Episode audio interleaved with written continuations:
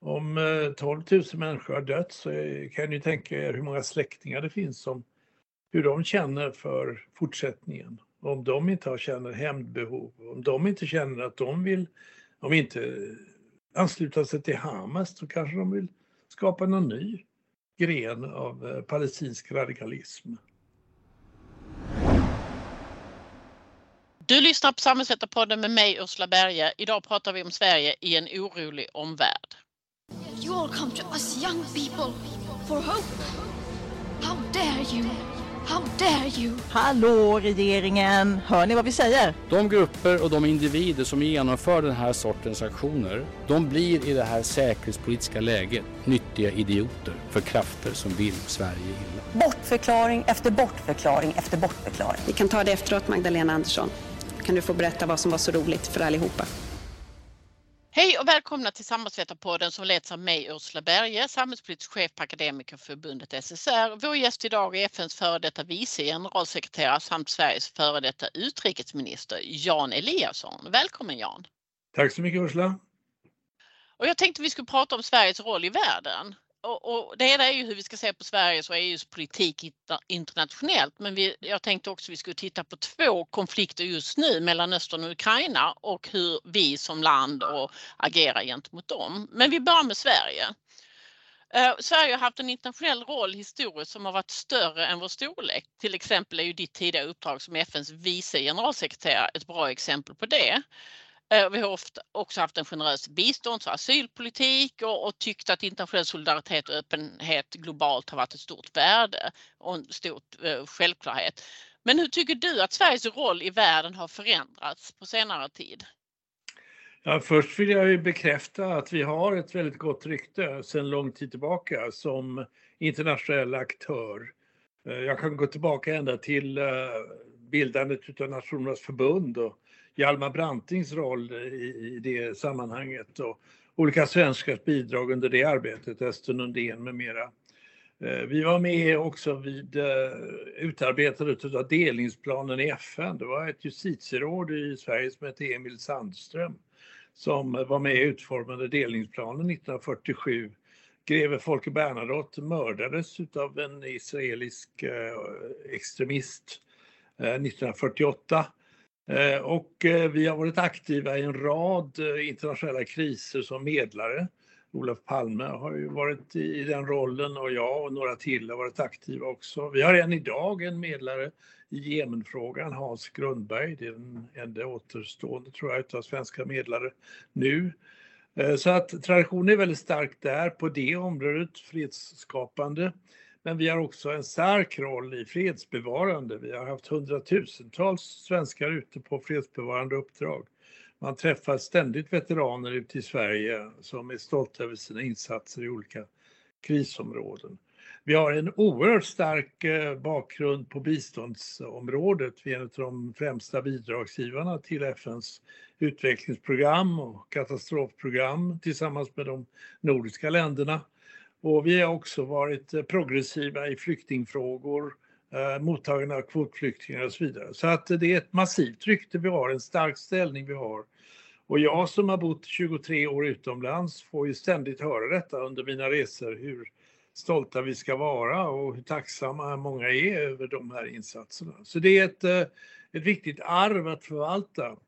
Och därför måste jag nu erkänna att eh, det finns, eh, det finns eh, oro i omvärlden och man har väl noterat vissa nya tendenser som kommer från Sverige i samband med regeringsskiftet förra året. Eh, och det gäller ju eh, framförallt eh, biståndet där man har gått ifrån enprocentsmålet och även om vi själva nu fortfarande ger mycket, mycket stort bistånd, måste jag erkänna, så blev det en symbolisk handling som sprider sig till andra länder, givarländer framförallt. Det finns också reaktioner mot då, åtgärder på flyktingsidan, migrationsområdet med eh, siffran 5000 per år. Kvotflyktingar är nu 900. Eh, vi har också en minskad prioritering av FN-frågor eh, Vi ser mer utav en, eh, en koncentration till Europafrågor, kanske med rätta på grund av Ukraina-kriget. Men det finns ju också en värld, eh, vill jag säga, utanför Medelhavet eh, som berör oss också på ett väldigt starkt sätt, inte minst miljöfrågor och fattigdomsfrågor och ojämlikhetsfrågor i världen. Men den här satsningen på eh, närområdet i högsta grad har då faktiskt lett till minskad uppmärksamhet kring inte minst FN-frågor. Så att eh, det finns eh, många tendenser som samlas här Eh, och eh, som eh, leder till frågor som vi som lever i det internationella livet får ta emot allt mer. Det stärks nu på sistone av klimatfrågorna där man ser ökning utav koldioxidutsläppen i Sverige. Långsiktigt vill vi från regeringens sida uppenbarligen Eh, uppnå målen men inte förrän 2045, inte 2030 och det har också noterats, diskuteras ju just nu i, i Doha. Eh, så att det är, det är mycket som händer och eh, den kanske sista punkten jag vill ta upp i den här inledningen det är ju synen på, på invandrare i vårt land. Det vill säga risken att vi får ett, Ehm, en diskriminering, en, en syn på eh, invandrare, folk som är födda i andra länder och härstammar från andra länder som leder till ökade motsättningar och ökad diskriminering. Och det hade man inte riktigt väntat sig att de signalerna skulle komma från Sverige. Men eh, ser du det att hela paketet är det som eh, omvärlden eh, funderar runt eller är det någonting av det här som du, du, du upplever att omvärlden tycker sticker ut mer än annat? Nej, jag tror det är helheten. Det är, vi har ju fortfarande sånt massivt rykte och så massiva insatser bakom oss. Så att jag tror och hoppas att om vi nu åt återställer på en del punkter och eh, ser vikten utav eh, att värna om det här, den här, det här arvet, att det ligger i vårt nationella intresse helt enkelt. Att eh, Sverige har kvar det ryktet som vi har byggt upp.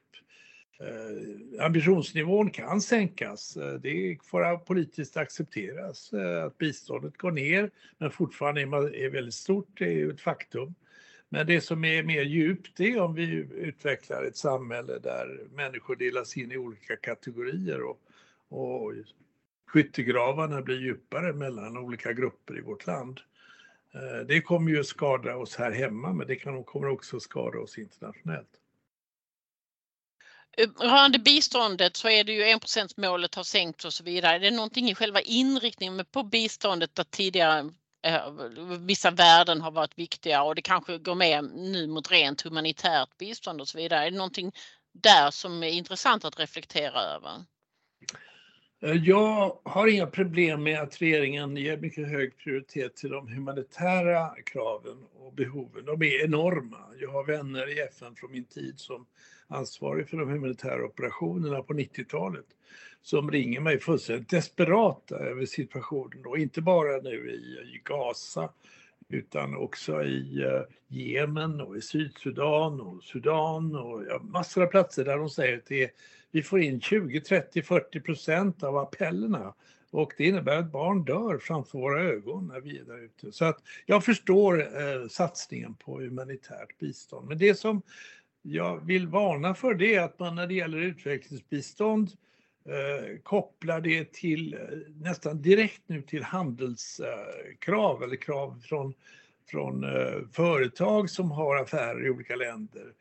Eh, det är i och för sig bra att få dynamiken med från näringslivet. Jag är den första att hålla med om att de ska dras in i det här arbetet framöver.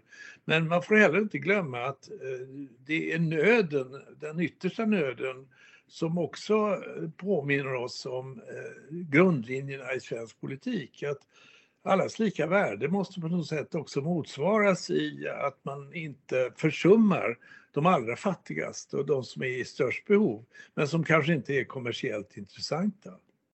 Mm. Jag tänkte, du var inne på det lite tidigare, men eh, alltså det här med internationellt engagemang, ska man se det som lite kommunicerande kärl? Att nu är det så mycket energi och kraft och pengar som läggs på vårt NATO-inträde och, och vårt fokus på EU och, och, att då blir det naturligt mindre på andra delar som till exempel FN. Eller kan man göra både och? Ja, vi måste faktiskt göra både och.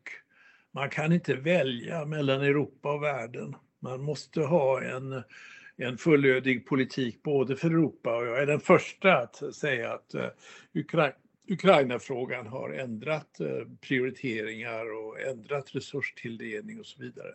Men herregud, eh, det finns en värld utanför Europa. Shakespeare i Romeo och Julia, han har ju den fina repliken från Munke Lorenzo som säger till Romeo när han galen av kärlek måste lämna sin Julia. Så säger han, kom ihåg Romeo, det finns en värld utanför Verona. Vi, vi svenskar måste förstå att världen stannar inte vid Medelhavet. Där drunknar tillräckligt många människor förresten just nu. Men det finns en värld där utanför som vi också är beroende utav. Titta på klimatfrågan, den är ju sant global. Men eh, kommande migrationsrörelser berör denna stora kontinent Afrika oerhört mycket. Vi har, eh, vi har också växande ekonomier förresten, både i Afrika och Asien och Latinamerika. Eh, och vi bör ha en levande relation till resten av världen. Eh, vi får inte vända oss inåt och tro att vi vinner vår säkerhet och vår välfärd på att titta inåt. Så att det måste helt enkelt vara både och och jag tror att man kan där få hjälp egentligen utav inte bara näringslivet som har intressen globalt i Sverige från Sveriges sida traditionellt men också från det akademiska livet, forskningen som inte får strypas när det gäller utvecklingsfrågor och länder och områden utanför Sverige. Men också de oerhört viktiga delarna av det svenska civilsamhället. Och där är en viktig fråga som vi måste verkligen värna om, nämligen civilsamhällets kontakter i omvärlden. Eh, det har skett en väldig nedskärning av, av bidrag till studieförbund, till, eh, till eh, eh, olika organisationer, till och med som FN-förbundet. Eh, det har skett nedskärningar till folkhögskolor och, och en rad eh, delar av den svenska kan jag säga, folkrörelsebakgrunden som vi har. Och det innebär då att vi har allt färre som arbetar med kunskap och information om omvärlden. Och eh, det sker lite grann i tystnad nu, även om jag får telefonsamtal från många oroliga i civilsamhället. Men det är de som har värnat om eh, vissa grundläggande ting som också byggt upp Sverige.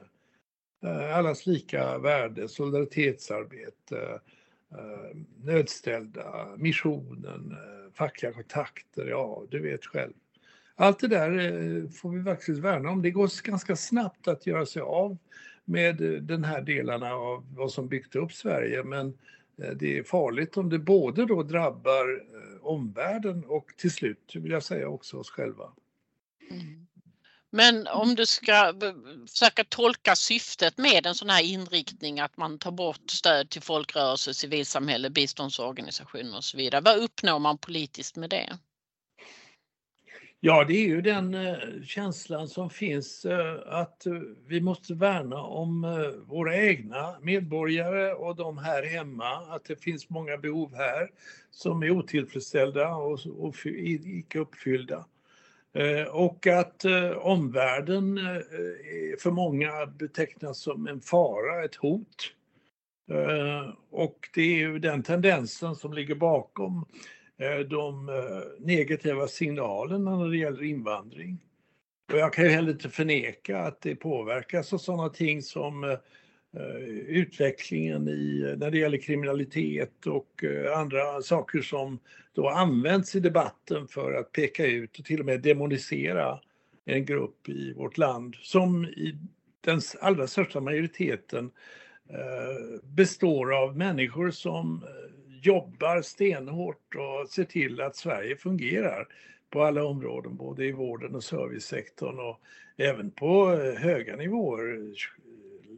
Akademiska eh, världen är ju full av eh, invandrare eller andra, andra generations invandrare. Men här finns en risk för dem att de alltmer känner sig utsatta och betecknas som en andra klassens medborgare. Det får bara inte ske tycker jag i Sverige nu ska vi gå över på Mellanöstern och sedan 7 oktober har vi ett öppet krig mellan Israel och Hamas. Och vad jag tror var ungefär 1200 israeler har dött och Hamas eh, attacker på Israel efter de attackerna och 100 är gisslan ungefär. Och samtidigt är det väl ungefär 10 gånger fler, 12 000 palestinier i Gaza som har dött varav hälften är barn och nästan alla är civila. Det är väl ungefär den bild vi har idag den eh, 1 december. Men vad tänker du runt situationen just nu i, i Gaza och i konflikten? Ja, det är en fruktansvärd tragedi. Vi hör ju nu att eh, bombningarna startar igen och eh, från båda håll eh, efter de här sju dagarnas eh, uppehåll. Vi hade hoppats, men det kanske var en from förhoppning, att det här skulle förlängas ganska många gånger och att vi skulle få en slags eh, situation där man till och med kunde få öppna för att eh, arbeta med grundproblem, grundproblemen. Men jag tror tyvärr att vi är tillbaka till eh, att våldet styr och det har ju varit helt fruktansvärt, nästan outhärdligt skulle jag säga. Siffrorna är ju avskräckande. Jag vill först naturligtvis göra fullständigt klart att den eh, attack som Hamas eh, företog var ju helt brutal och bestialisk. Dessa 1200 människor som dödades och att 240 togs som gisslan är ju klart brott mot folkrätten och humanitära rätten. Men sen reaktionen, eh, den är också folkrättsligt legitim eftersom artikel 51 i FN-stadgan kan appliceras på en, en, en, en vad som kallas armed attack, en beväpnad attack. Men den ska vara, stå i något sån här, något sån här rimlig proportion till den första eh, våldsinsatsen. Och när det är tio gånger så många minst som har dött eh, på andra sidan, i, eh, bland palestinierna på den lilla Eh, Gazaremsan, eh, och 5000 eh, cirka barn har dött i detta, då är det alltså siffror som är så fruktansvärda att det är faktiskt mer människor och civila som har dött och inte minst barn i Gaza än i eh, nästan alla samlade konflikter just nu idag i världen. Och då bryter det mot den här proportionalitetsprincipen och även principen om att göra distinktion mellan civila och militära. Eh, sen är det naturligtvis eh, ytterligare eh, ett humanitärt brott att isolera en befolkning.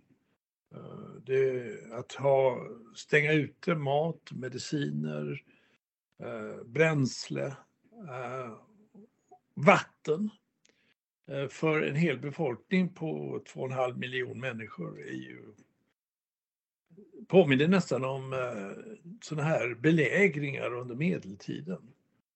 Eh, och att detta ska innebära att sjukhusen inte kan fungera, att de inte har smärtstillande vid operationer, att de inte har vatten för att kvinnor ska föda på ett normalt sätt. Allt det där har ju fått fruktansvärda konsekvenser. Och problemet med detta är ju att det också ger ytterst eh, Israel eh, stora problem. Eh, man har stöd från USA politiskt i princip över sin reaktion och, och även från, från EU och EU-länderna och Sverige. Men eh, om det här fortsätter med den enorma skörd av offer som man ser så blir det en belastning för eh, Israel också. Och jag tror USA och länder i Europa känner ju nu allt mer att det här dödandet måste få ett slut. Det går tillbaka också till frågan om, om Hamas. Eh, Israel har ju framförallt genom sin premiärminister eh, utfärdat en slags allmän krigsförklaring mot Hamas att de ska utrotas. Och det, om det skulle kunna genomföras är en väldigt lång operation. Det kommer att ta sin tid, ordentliga tid och det kan ju bli enorma mycket, enormt många offer under den resan. Och dessutom är det många som ställer sig frågan om det går att utradera helt och hållet Hamas. om eh, 12 000 människor har dött så kan ni tänka er hur många släktingar det finns som hur de känner för fortsättningen. Om de inte känner hämndbehov, om de inte känner att de vill, om inte ansluta sig till Hamas så kanske de vill skapa någon ny gren av eh, palestinsk radikalism. Mm. Så att det är, det är en målsättning som, som är väldigt eh, långtgående och som kommer att leda till oerhörda offer. Så vi får väl se, det är två stora frågor på lång sikt. Om du ser framåt så, är, så måste få en lösning. Det ena är hur, Hamas, hur, hur Gaza ska styras om Hamas inte då styr eh, Gaza. Och det kan man ju förstå varför man vill. Och jag kan för egen del förstå att man vill det. Det vore väldigt fint om den mer moderata falangen av eh, palestinierna, Fatah och PLO, fick styra på, Gaza. Men det vill ju inte Israel vara med om och jag vet inte heller hur stark ställningen är för PLO och Fatah på, eh, på Gaza, i Gazaremsan. Den är ju till och med försvagad på Västbanken där det nu kokar av oro och där bosättarna saboterar oerhört mycket för för att eh, den moderata falangen ska stärkas. Eh, så att eh, vem som ska styra där, Israel, Israel vill ju kanske återockupera. Och sen har vi Fatah-möjligheten och sen har vi en arabisk styrka eller en FN-styrka. Ja, det där hänger i luften, men det måste tänka. Det kan ju inte bara vara en ruinhög som har drabbats av denna enorma katastrof. Mm. Den andra frågan är ju på ett paradox, på ett paradoxalt sätt har ju uh, Palestinafrågan, det vill säga tvåstatsfrågan, kommit i ny dager. Den låg uh, gryende som en törnrosa i sömn under lång tid. Uh, bosättningarna fortsätter utan något som helst hinder under Netanyahus period. Det är 600 000 minst som är bosättare där nu på Västbanken. Och eh, på något sätt försvann tvåstatsfrågan. Den har ju vi jobbat med mycket i Sverige, apropå din första fråga om svensk politisk aktivitet på, i världen. Det var ju Sten Andersson som på 80-talets slut satte igång kontakter mellan Arafat och israeler som lyckades till slut. Och det var Shimon Peres och, och den bästa premiärminister som Israel haft, Rabin, som drev det. Vi var mycket nära en uppgörelse om tvåstatslösning 1995. Men då mördades Rabin av en eh, israelisk extremist. Eh, så att eh, på något märkligt sätt, paradoxalt sätt, har nu attacken från Hamas genomförde har ju återuppväckt Palestinafrågan. Och även om det nu ser oerhört mörkt ut för att komma, göra framsteg där så hoppas jag ju att USA och EU och Sverige och andra länder nu driver fram den lösning som finns nedlagd i FN-resolutioner 242, 338, 1947 års delningsplan kan man gå tillbaka till det med. Eh, det finns det så många dokument att tvåstatsfrågan är i stort sett eh, utlinjerad och det gäller att genomföra den. Men den nuvarande israeliska regeringen och Hamas naturligtvis har ju avvisat detta. Medan däremot eh, grupper i, eh, i bland palestinierna gärna vill se en, en, eh, ett fritt Palestina och ett demokratiskt Palestina i bästa fall. Med din internationella erfarenhet och så vidare med din FN-erfarenhet, alltså det här eh, som Israel försvarar sitt agerande med självförsvar och proportionalitet. Finns det några ja, men tydliga gränser, tydliga hårda nyckeltal för när proportionaliteten finns och när den inte finns. Finns det, finns det några linjer vi kan dra upp här? Nej, det, det, det är en slags rimlighetsbedömning. Men om det är så att den israeliska responsen innebär minst tio gånger fler eh, civila döda och framförallt denna skrämmande mängd barn döda då tror jag att eh, det för de flesta människor handlar om människans värde. Om utgångspunkten för att bygga samhällen och vår värld är att allas, värld, allas värld, liv är lika mycket värda. Det finns ju i eh, mänskliga rättighetsdeklarationen. All men are born free. Och eh, om det man bryter mot en sån fullständigt grundläggande sak i en sån flagrant omfattning så tror jag att eh, eh, det blir uppenbart för de flesta. Det är svårt att försvara, tycker jag, de här jättelika förlusterna civila med, med självförsvar. Självförsvar ja, men som sagt inom proportionalitetens gränser. Det här argumentet som ofta kommer fram att jo men Hamas använder ju civilbefolkningen som mänskliga sköldar. Det här är bara eh, det här är Hamas fel. Vad tänker du runt jo, det som det, ett det, försvarsargument? det, det, det, det ligger något i det. Det stämmer det att man får inte använda civila som sköldar. Så det är också ett, folk, ett folkrättsbrott. Men där finns ju också en faktor som vi inte kan komma ifrån. Det är nämligen så att Gaza är ett av de mest överbefolkade områden i världen. Eh, det finns ingenstans att ta vägen.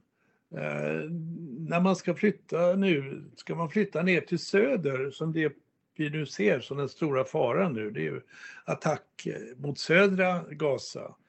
Eh, och där är ju då den fruktansvärda situationen den att de får inte lov att lämna södra Gaza. De är instängda. Det är ett jättelikt friluftsfängelse. Eh, och de har inga bostäder och nu är det snart vinter, eller varje deras eh, eh, i varje fall kyligare och, och kallare tidpunkt på året som kommer nu. Så att det är omständigheter som är, är outhärdliga uh, i, i den krigföring som pågår nu. Och, och, vad tänker du runt EU, väldigt många av EU-ländernas eh, syn på det hela, att man valde att lägga, lägga ner sin röst. Hur ska man förstå EUs hållning kopplat till den här konflikten? Ja, det är ju tråkigt att eh, e EU-länderna var splittrade i en sån viktig fråga som faktiskt rör Europas närområde. Och eh, jag vill gärna se att Europa tar en större roll och blir mer av en global aktör. Eh, vi har ju nu stor oro vad som kommer hända i USA om det blir Trump som eh, bestämmer amerikansk politik både hemmavid och internationellt. Och I så fall har vi ju en situation där till och med Ukraina-stödet kan ifrågasättas. Eh, och därmed också grundvalen vill jag säga för NATOs engagemang i Ukraina-frågan. Och i det avseendet så är det då väldigt viktigt att demokratierna i världen, kanske främst representerade eh, av Europa vid en Trump-seger, eh, blir mer av en kraftfull eh, internationell aktör. Så att jag tror att vi måste skärpa oss i Europa och sitta ner och diskutera konflikterna noggrant och komma fram till så mycket vi kan en gemensam uppfattning snarare än splittring som vi visar till den frågan. Jag tror nu att opinionen har skiftat väldigt mycket i Europa efter det, de enorma, det enorma lidande och den förstörelse som har skett. Och att faktiskt också det skadar Israels intressen också internationellt och eh, även västliga intressen som ehm, där vi riskerar att omvärlden, Afrika, Asien, Latinamerika tycker att vi är så Europacentrerade, att vi har dubbelstandard. Vi eh, fördömer utan någon som helst tvekan, med rätta, Rysslands aggression. Men eh, vi är, är tveksamma om att sätta etiketter på Israels eh, attacker. Mm. Jag tänkte som en avslutande fråga kopplat till Mellanöstern så tänkte jag koppla an till det du säger här. Kommer den här konflikten och hur den då har utvecklats att ändra spelplanen eh, i omvärldens syn på Mellanösternkonflikten? Alltså både vad det gäller ja, hur Gaza ska kunna existera och hur, hur en tvåstatslösning ska bli verklighet och så vidare. Ändrar vi spelplanen just nu? Ja, jag tror det. Därför att förut fanns det en så kallad eh, sån här Abrahamplanen kallas den. Israel skulle normalisera med Saudiarabien och, och Gulfstaterna. Eh, det projektet har lagts på is och man kan göra det i det klimatet. Förlåt Göteborgsskämtet. Eh, men det som istället har kommit fram nu i stor neonskrift framför ögonen på de flesta, det är att vi måste sluta, få slut på de här fruktansvärda Gazakrigen.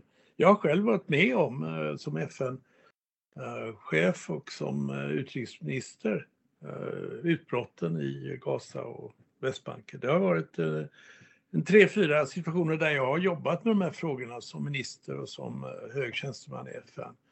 Och jag kommer så väl ihåg, vi säger då till varandra hela tiden, nu får det vara slut. De här krigen kan bara inte bryta upp. Det här eh, problemet är en, som en infekterat sår i världspolitiken. Det kan inte hålla på så här. Och särskilt som vi har en, en plan som är folkrättsligt nedlagd i säkerhetsrådsbeslut ända sedan 1947 så måste vi gå tillbaka till den. Eh, nu är det inte realistiskt att se att någon, några framsteg sker omedelbart, men jag hoppas att det blir en konstellation i en regering i Israel som arbetar för detta, som Rabin gjorde på sin tid. Och att det kommer en amerikansk administration som trycker på. Det är det enda land som verkligen kan påverka Israel på ett kraftfullt sätt. Och att Europa blir en global aktör som står för en lösning som är bäst för regionen och bäst för Europa. Mm. Och rösta lite mindre splittrat i FN kanske. Just det. Du, Ukraina, vi har haft ett fullskaligt krig i Ukraina i snart två år. Uh, och, och, i denna konflikt får man ju av att inte minst EU genom massflyktsdirektivet och alla möjliga typer av militära humanitära stöd eh, har, har väldigt tydligt tagit ställning för Ukraina, även USA. Eh, upplever du att omvärlden fortfarande står fast i sitt stöd för Ukraina eller, eller ser vi sprickor eh, för, av utmattningskaraktär kanske? Eh, ja, för det första så tycker jag ju att eh, det är helt otroligt hur starkt eh, Eh, det ukrainska folket eh, har visat sig vara. Alltså en sån motståndskraft och en sån, en sån kamp för sin självständighet. Det är oerhört imponerande och gripande egentligen. Eh, och jag tycker också faktiskt att Europa har också i stort sett reagerat väldigt fint och solidariskt med Ukraina. Och jag hoppas att den här motståndskraften finns kvar. Det är inte lätt att kräva en sån motståndskraft eh, under de fruktansvärda omständigheter som Ukrainas befolkning lever i nu. De har en supermakt emot sig som inte verkar vara särskilt känslig för de enorma offren som, får, som, som kommer som ett resultat både för dem själva och för, för givetvis Ukraina. Men eh, den svaga punkten är ju USA. Det är ju, eh, om Trump kommer till makten. Eh, vi måste tänka oss in i, det, tyvärr. Eh, för det kan innebära då ett grundskott mot Ukraina-politiken. En torped in i NATO-båten under, under ytan på vattnet. Som är jättefarlig. Och han har ju öppet deklarerat sedan lång tid att han Eh, inte tycker att eh, Ukraina ska få det här stödet. Han är personligen eh, mycket misstänksam mot och negativ till Zelensky. Eh, även Republikanska partiet har rört sig i den riktningen. Men det finns vettiga republikaner som ser att USAs ställning och NATOs ställning står på spel. Så att det är inte helt klart vad som händer men det är en stor risk att uthålligheten testas framförallt i USA. Men det finns ju även i Europa tecken på eh, bristande stöd. Uh, Orban är ju öppet kritisk mot biståndet och går allt när, längre i stödet till Putin. Han var ju på besök i Kina och omfamnade Putin hjärtligt.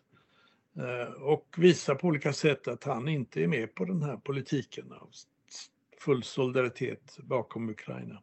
Även Slovakien har rört sig nu i den riktningen det finns tendenser i vissa politiska partier i Europa också att, eh, att börja svika eh, Ukraina. Så att det är en eh, svår situation.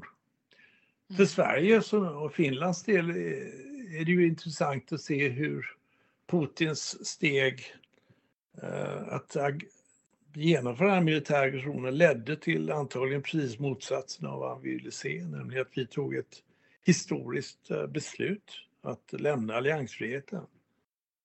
Eh, jag själv hade stor vånda med det beslutet som jag tog att, väl, att acceptera den utvecklingen. Men för mig blev det så att den militära aggressionen, folkrättsliga brottet som skedde i kombination med krigsförbrytelser som man såg framför sina ögon, ögon vecka efter vecka Eh, och att en eh, totalitär stat eh, angriper en demokrati, även om den har sina brister. Men en demokrati, en mindre stat i Europa, två och en halv timmas flygresa från Sverige. Det ledde mig till att vi måste i den svåra tid vi lever mer bygga vår säkerhet på en kollektiv lösning och att vi då skulle ansluta oss till övriga nordiska och övriga baltiska länder. Men det var inget lätt beslut. Vi har haft den här politiken och jag har försvarat den kraftfullt under alla år som jag har tjänat som diplomat. Men jag är bekväm med det här beslutet, även om jag tycker att det är plågsamt och pinsamt att se Turkiet och eh, Ungern stoppa våra ansträngningar och helt bortse från att det faktiskt är en militärstrategisk fråga också, nämligen eh, förstärkandet av den nordliga, eh, nordliga flanken i Europa som tydligen kommer i andra rummet för Eh, ledarna i Turkiet och Ungern. Jag hoppas att övriga NATO visar nu styrka i att eh, NATO ska ha en trovärdig säkerhetspolitik. Och där ingår att Sverige ska komma in och inte stå där med hatten i hand som vi har tvingats göra under ganska, tycker jag, eh, förnedrande former. Mm. Eh, det, det här är möjligtvis en eh, svåra, ännu svårare fråga än hur vi ska få fred i Mellanöstern. Men vad skulle vara ett eh, hållbart eldupphör och tillbakadragande från, från Rysslands invasion av Ukraina i Putins ögon? Vad är, är en hållbar fred? Ja, det är en svår fråga och jag tycker själv som diplomat och som medlare, som jag har ju medlat i sex krig och konflikter. Jag har till och med fått sådana här frågor, vad gör, skulle du göra? Vill du ställa upp? Och jag måste erkänna att eh, förutsättningarna för medling finns knappast. Eh, Ryssland har ju som målsättning att integrera Ukraina i någon slags mytisk eh, nationalistisk ryskt imperium där han inte erkänner Ukrainas rätt till suveränitet. Och Ukraina under Zelensky har ju markerat fullständigt glasklart att man inte tänker offra någon del av sitt territorium eh, och därmed inte uppmuntra länder till att angripa och eh, lyckas ta över delar av ett annat lands territorium. Och det är ju en fullständigt acceptabel och rimlig position att inta. Helt i linje med folkrätten också. Mm. Så att eh, jag ser väldigt få, få möjligheter nu att uppnå en förhandlingslösning Eh, Eh, de flesta krig brukar ju sluta på grund av utmattning. Jag medlade ju i kriget tillsammans med Olof Palme i Iran-Irak. Det var ungefär som två boxare i en 15-ronders match som stod blodiga eh, mot varandra och föll ner. Eh, ingen vinner egentligen på, i dagens krig, det är bara förlorare. Så utmatt, alltså den militära utvecklingen blir väl avgörande, men den står ju still nu. Det är, ingen, det är inte lätt att bedriva offensiv krigföring som Ukraina måste göra i dagens läge. Det var, det var otroligt fint hur de mötte den ryska offensiven. De stred på sitt eget territorium och kastade tillbaka ryssarna. Det var ju otroligt imponerande. Men det är en annan sak nu att återta ett territorium som ryssarna och ryssvänliga krafter har dominerat under åtta år. Det blir ju en uh, offensiv i ett område som är minerat och där det finns skyttegravar som går djupt och där det har till och med använts översvämningar som metod att inte komma över till andra sidan. Så att mm. Eh, det, det, det som kan hända är väl att, eh, att eh, förhoppningsvis ryssarna själva inser, det är kanske en önskedröm, men själva inser att de har gjort ett historiskt jättelikt misstag. Mm. Jag tror på kammaren sitter de nog och tänker på det, de som sitter i ansvarig ställning, kanske Putin själv, och undrar vad de har gjort. För att det är ju ingen tvekan om att det här är långt ifrån de planer och drömmar de hade. Och eh, Rysslands ställning har ju försämrats kraftigt av det här. Och möjligheterna nu att eh, få igång en ny säkerhets, skapa en ny säkerhetsordning är ju oerhört svåra. Vi har ju sett eh, säkerhetsordningen i Europa raseras. Så vi måste ju börja tänka på den folkrätt, eller de regler som ska styra det europeiska säkerhetsarbetet framöver. Mm. Uh, nej, jag, jag, om du frågar mig så, så är det självklart så att jo då, gärna ett eldupphör. Men ett eldupphör som bygger på premissen att eh, de internationellt erkända gränserna ska respekteras. Det vill säga att man återgår till, eh, eller man lämnar allt, allt, eh, allt eh, ukrainskt territorium. Men det är nog en, en, en önskedröm att den insikten ska komma, framförallt närmaste framtiden. En avslutande fråga, alltså det här kriget i Ukraina och att, att försvara Ukrainas rätt till sitt ter territorium, handlar det i grunden om någonting mycket mer än bara eh, Ukraina? Alltså handlar det i grunden om att försvara den liberala demokratin i Europa som vi känner den? Ja, det är bra. Jag svarar ja direkt för att det är precis vad det handlar om. Det, det är ju det som förklarar att vi lämnade alliansfriheten. Tänk, ett sådant steg. Vi såg ju att det blev ett helt brutalt nytt hot som fanns. Och gissa hur det känns i de baltiska staterna. Polen, Finland. Eh, det, det, det är ingen tvekan om det och när det då är en demokratisk stat, även om den har haft lite problem med korruption och annat i Ukraina, men herregud, det är ju det är också en kamp för både nationell suveränitet och ett lands säkerhet i militära termer, men det är framförallt också eh, ett, en kamp för att bevara den samhällsform som vi kanske nu mer och mer måste kämpa för, nämligen demokratin. Demokratin eh, kanske är en ganska tunn fernissa ibland, när man tittar på Trumps Amerika till exempel. Mm. Men, eh, och det är ingenting som är självklart, man måste jobba och värna och bygga demokrati i varje generation. Om vi då eh, ser hur en demokratisk nation eh, angrips av en totalitär stat, då har vi ett ansvar att se frågan i ett större sammanhang. Men det blir ju oerhört svårt med tanke på den förstörelse och den, det lidande som pågår, de offer man begär av de som sitter vid frontlinjen. Eh, så att det är en stor både saklig, politisk men också moralisk fråga att hantera för oss framöver. Och jag hoppas att det leder till att vi ser vikten av att Europa så som den kontinent som jag hoppas starkast kommer att stå för demokratin i världen. Att vi eh, står fast vid principer och visar att vi är beredda att eh, kämpa för dem också. Svåra frågor, jättekloka svar. Tusen tack Jan för det här. Tack själv. Eh, tack. Det var allt från Samhällsvetarpodden den här veckan. Prenumerera gärna på oss så missar du inga avsnitt. Samhällsvetarpodden görs av Akademikerförbundet SSR, Sveriges ledande samhällsvetarförbund.